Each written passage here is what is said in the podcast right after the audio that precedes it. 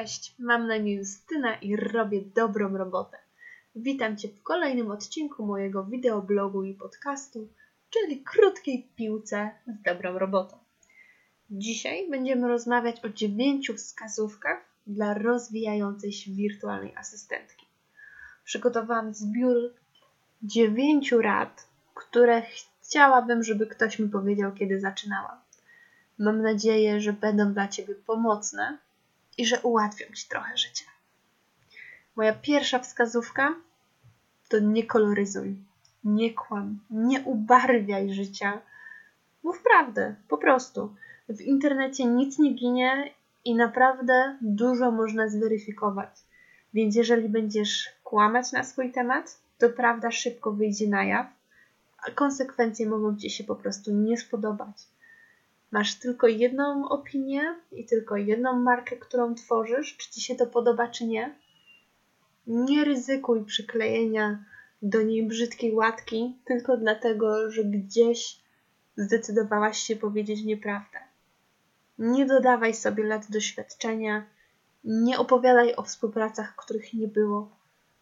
Po prostu bądź sobą, bądź szczera, bądź autentyczna a wtedy nikt nie przyłapie cię na kłamstwie, bo po prostu go nie będzie. A tobie samej też będzie łatwiej żyć.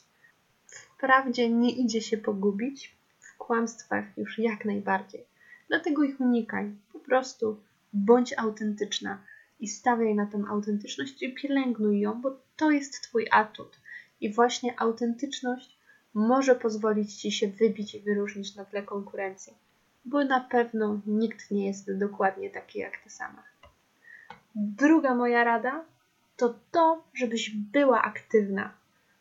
Nie czekaj biernie, aż zlecenia zaczną spadać z nieba, bo nie zaczną. Szukaj ich.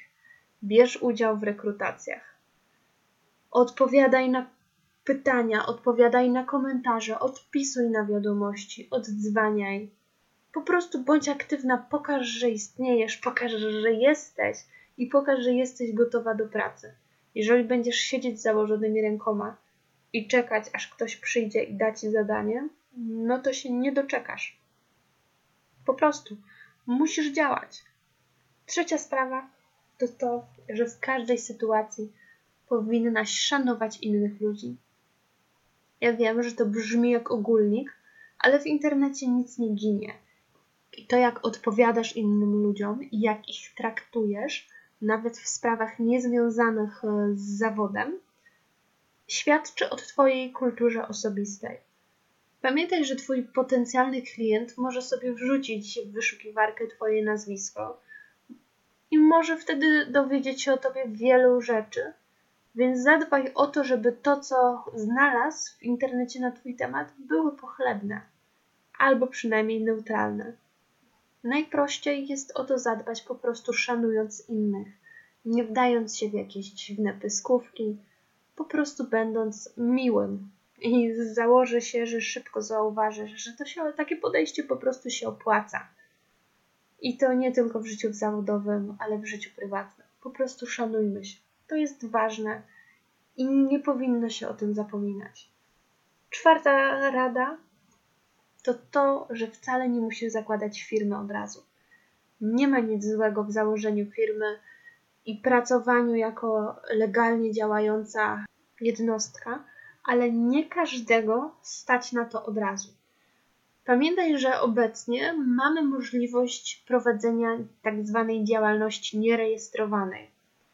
I miesięcznie możesz zarobić 1400 zł bez konieczności zakładania firmy a jedynie musisz zapłacić od tego podatek dochodowy.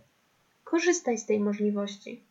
To jest naprawdę świetna opcja dla tych wszystkich, którzy nie są jeszcze przekonani, że wirtualna asysta jest zawodem dla nich. Dzięki działalności nierejestrowanej możesz po prostu wypróbować swoje siły i sprawdzić, jak to wszystko wygląda w praktyce. Poza tym, jeżeli dla Ciebie wirtualna asysta nie jest pracą na cały etat, a jedynie sposobem na dorobienie sobie, to tym bardziej nie powinnaś od razu zakładać firmy, bo może się okazać, że koszty ci zniszczą. Daj sobie czas. Zdobądź tylu klientów, żeby cię było spokojnie stać na opłacenie ZUS-u księgowej i wszystkich innych kosztów, jakie mogą się pojawić w związku z prowadzeniem działalności i wtedy śmiało zakładaj firmę. W przeciwnym wypadku może ci być po prostu bardzo ciężko i szybko zniechęcisz się do prowadzenia takiej działalności. Ale możesz sobie tego oszczędzić. Po prostu skorzystaj z działalności nierejestrowanej. Możesz też pracować na umowę o dzieło, umowę zlecenia.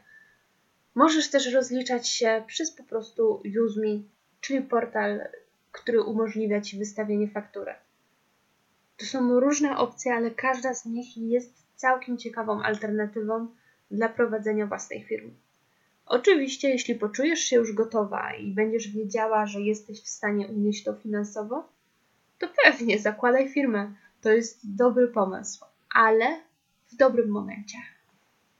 Moja piąta wskazówka to to, że powinnaś pamiętać o poduszce finansowej. Jeżeli stwierdzisz z dnia na dzień, że chcesz zostać wirtualną asystentką i rzucisz wypowiedzenie na etacie, to możesz mieć poważne problemy. Pamiętaj, że zanim podejmiesz jakąkolwiek y, gwałtowną decyzję, powinnaś się wstrzymać. Jasne? Wstrzymanie się przed decyzją sprawia, że ona przestaje być gwałtowna, ale mam nadzieję, że wiesz o co mi chodzi. Nie rezygnuj z etatu, nie rezygnuj z pewnych zarobków dla mrzonki. Najpierw się dobrze zastanów, przygotuj sobie poduszkę finansową. Niech to będą pieniądze, które uratują cię w czarnej godzinie. Po prostu. To samo powinnaś wziąć pod uwagę, jeżeli już pracujesz jako wirtualna asystentka i chcesz z jakiegoś powodu zrezygnować z współpracy, która dotąd była jednym z Twoich głównych źródeł utrzymania. Zanim zrezygnujesz, upewnij się, że Cię na to stać. Bo bardzo łatwo jest rzucić wypowiedzeniem, dużo trudniej jest zapłacić rachunki. Moja szósta wskazówka to to, że powinnaś dbać o siebie. Nie zapominaj o sobie w tym wszystkim. Wiem, że łatwo jest e, spędzić przed komputerem długie godziny i zapomnieć o tym, że istnieje życie poza internetem. Dlatego powinnaś zadbać o siebie, zadbać o ruch, zadbać o własne oczy, zadbać o to, żeby regularnie wstawać od komputera, żeby pić dużo wody, żeby się chociaż trochę poruszać, dać odpocząć kręgosłupowi, po prostu trochę pożyć. Nie zapominaj o tym. Pamiętaj też, że jest życie poza pracą, więc naprawdę świat się nie zawali, jeżeli raz na jakiś czas zamiast wykonywać zlecenia, zrobisz sobie trochę wolnego i nie wiem, pooglądasz telewizję czy poczytasz książkę. Pamiętaj o higienie i ciała i umysłu. Dzięki temu na pewno podniesie też się też Twoja wydajność w ciągu normalnego dnia pracy. Po prostu nie zapominaj o sobie. Siódma wskazówka jest y, taka, że nie powinnaś się porównywać z innymi. Najgorsze, co możesz zrobić, to przeglądać strony innych wirtualnych asystentek i zagryzać palce ze złości, że innym udało się to i tamto, jest tak super i tylko tobie nie idzie. Nie rób sobie tego. Po prostu nie. I tyle. Pamiętaj, że na stronach internetowych czy w mediach społecznościowych każdy pokazuje tylko blaski. Niewiele osób pokazuje cienie. I jeżeli ktoś się chwali swoim sukcesem, to nie chwali się też tym, ile ciężkiej pracy musiał włożyć w jego osiągnięcie, a często też nie wspomina o tym, ile osób rzeczywiście na ten sukces pracowało. Pamiętaj, że wirtualne asystentki często też mają swoje wirtualne asystentki i pracują w zespołach. Więc jeżeli jesteście jedna i pracujesz samodzielnie, to siłą rzeczy będzie ci trudniej niż asystentkom, które pracują razem. Dlatego nie powinna się porównywać, bo to nie prowadzi absolutnie do niczego. Skup się na sobie. Porównywanie się nie daje niczego. Nie jest kreatywne, nie jest twórcze. Prostu o nim zapomnij. Pamiętaj, tylko i wyłącznie patrz na siebie. Nie ma sensu porównywać się z innymi. Ósma wskazówka to to, że nie powinnaś wymagać od siebie zbyt wiele. Nie chodzi mi tutaj o to, że masz nie być ambitna, bo ambicja jest ważna, mimo że niektórzy nawet uważają ją za wadę, ale powinnaś być ambitna, bo inaczej nie będziesz wyznaczać sobie ambitnych celów i nie będziesz parła do przodu. Ale musisz pamiętać, że te cele muszą być realne. Możesz nawet usiąść dzisiaj i stwierdzić, że w ciągu najbliższych dwóch miesięcy staniesz się najsławniejszą wirtualną asystentką na świecie. No hej, to jest ambitny cel na pewno, ale jest niewykonalny. Więc y, jeżeli go sobie postawisz, to tylko i wyłącznie będziesz miała pretensje do siebie, że się nie udało. Nie ma sensu. Stawiaj sobie cele, które są możliwe do realizacji. Mają być trudne, ale wykonalne. Nie wymagaj od siebie rzeczy, które po prostu na ten moment cię przerastają. Stopniuj trudność, a nie eskaluj ją gwałtownie. I moja dziewiąta rada dla ciebie to to, że powinnaś szukać rozwiązań, a nie problemów. Patrz na życie trochę bardziej pozytywnie. Szukaj sposobów, żeby wyjść z danej sytuacji, a nie kolejnych kłopotów, kolejnych przeszkód. Nie komplikuj dodatkowo spraw. Założę się, że to ułatwi życie e, i tobie, i twoim klientom bo Twoi klienci też na pewno nie chcą dodatkowych komplikacji, oni też szukają rozwiązań. Zresztą zastanówmy się, czy ktokolwiek chce pracować z marudą, która cały czas wyszukuje problemy? Raczej nie. Nastaw się pozytywnie i staraj się szukać wyjść nawet z beznadziejnych sytuacji. Zobaczysz, że takie podejście do życia na pewno Ci się spodoba.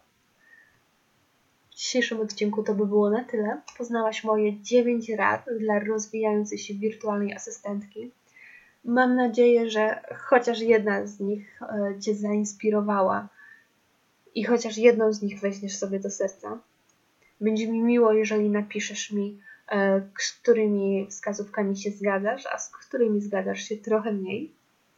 Dzięki, że byłaś ze mną do końca, a w następnym odcinku będziemy rozmawiać o tym, czy wirtualna asystentka koniecznie musi mieć własną stronę internetową, czy też może z niej zrezygnować. Dzięki i do następnego razu.